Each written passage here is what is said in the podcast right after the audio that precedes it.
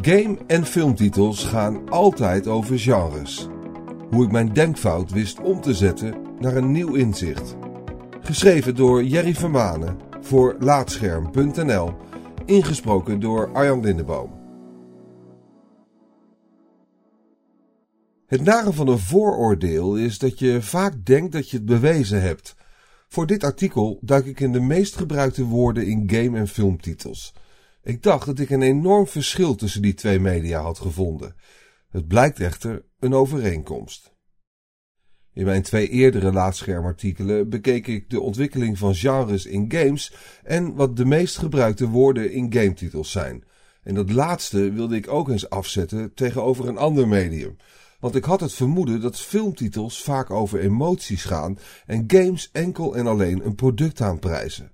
Dat blijkt ook te kloppen, en toch ook niet. Een denkfout zat mij in de weg. Eerst naar de grafiek. Hiervoor heb ik alle gametitels bekeken voor de platformen van de huidige drie grote uitgevers Sony, Microsoft en Nintendo. Deze gametitels heb ik naast alle filmtitels op IMDb gelegd. Vervolgens heb ik alle woorden afzonderlijk geteld, getallen gefilterd en woorden verwijderd die in totaal minder dan 100 keer voorkomen. Als je vervolgens elk woord telt in beide media en corrigeert per 10.000 woorden, krijg je de grafiek die weergegeven wordt bij dit verhaal op laatscherm.nl. Wat mij als eerste opviel is het soort woorden dat bij games en films prominent aanwezig is. Games bevatten vaak de woorden super, edition, dragon, war, battle en adventure. Bij films zijn die woorden girl, love, me, you, with en woman. Gaan filmtitels daarmee vaker over mensen en emoties, terwijl gametitels je willen vertellen wat je gaat kopen? Mijn vooroordeel werd hierdoor gesterkt, maar ik zocht het antwoord bij René Glas, docent op de opleiding New Media and Digital Culture op de Universiteit Utrecht. Titels van games signaleren vaak het genre aan potentiële kopers, zegt Glas zodra ik hem de resultaten voorleg. Dat betekent dat games met titels waarin Battle, Adventure, Dragon en War te vinden zijn, iets zeggen over het feit dat ze bijvoorbeeld first-person shooters, strategiegames of roleplaying games zijn. Op die manier weten spelers dus wat ze kunnen verwachten.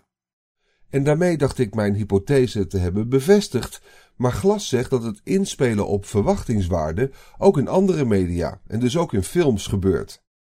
Waar games verschillen van films is het concept genre. Bij games gaat genre over wat je doet. Puzzelen, vechten, sport, strategie, etc. Terwijl het bij films vooral gaat over representatie en stijlconventies. Hij noemt als voorbeeld de romantische comedy. In veel films is dit een veel voorkomend en populair genre, dus dan zie je vaak het woord love terug in de titel. Bij games is dit geen genre, dus zie je dat titels vaak refereren aan de andere populaire gamegenres. Titels beschrijven in zowel films als games het genre. In films is het genre vaker gebaseerd op het narratief en in games is het genre eerder een spelmechaniek. Het lijkt een verschil in benadering, maar in feite doen filmtitels hetzelfde: verwachtingsmanagement. Glas gaat nog één stap verder in zijn antwoord. Films gaan niet meer over liefde en games niet vaker over oorlog of conflict. Dat is qua genre niet alleen appels met peren vergelijken, maar het wekt ook het idee dat games en films als media op eenzelfde wijze functioneren. Volgens de gamedocent staat het neerzetten van een uitgebreide wereld en diepgaande personages niet zo centraal in games zoals dat bij films wel het geval is. De mechanieken in het spel vormen bij games veelal het doel van het spel. Dat maakt de games niet minder interessant als games, maar is een herinnering dat we ervoor moeten waken niet puur vanuit een narratieve bril naar games te kijken. Je kan wel zeggen dat beide media in hun titels blijkbaar, maar niet verwonderlijk, sterk inzetten op in die media populaire slash gangbare genreconventies om op deze wijze zo duidelijk mogelijk te maken waar een mogelijke consument aan toe is. Het geeft zo inzicht in de marketingstrategieën van beide industrieën. Ik ben ook erg benieuwd wat jij in de grafiek bij dit verhaal op laatscherm.nl weet te vinden.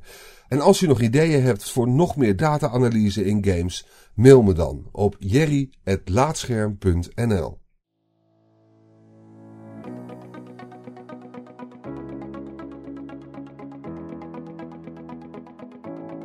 Dankjewel voor het luisteren naar deze aflevering van Laatscherm voorgelezen.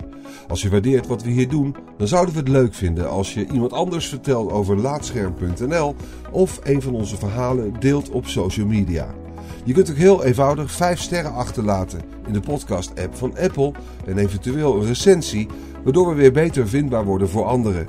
Luister ook naar onze andere podcast, Praatscherm, en ga voor meer verhalen, geschreven of gesproken, naar laatscherm.nl.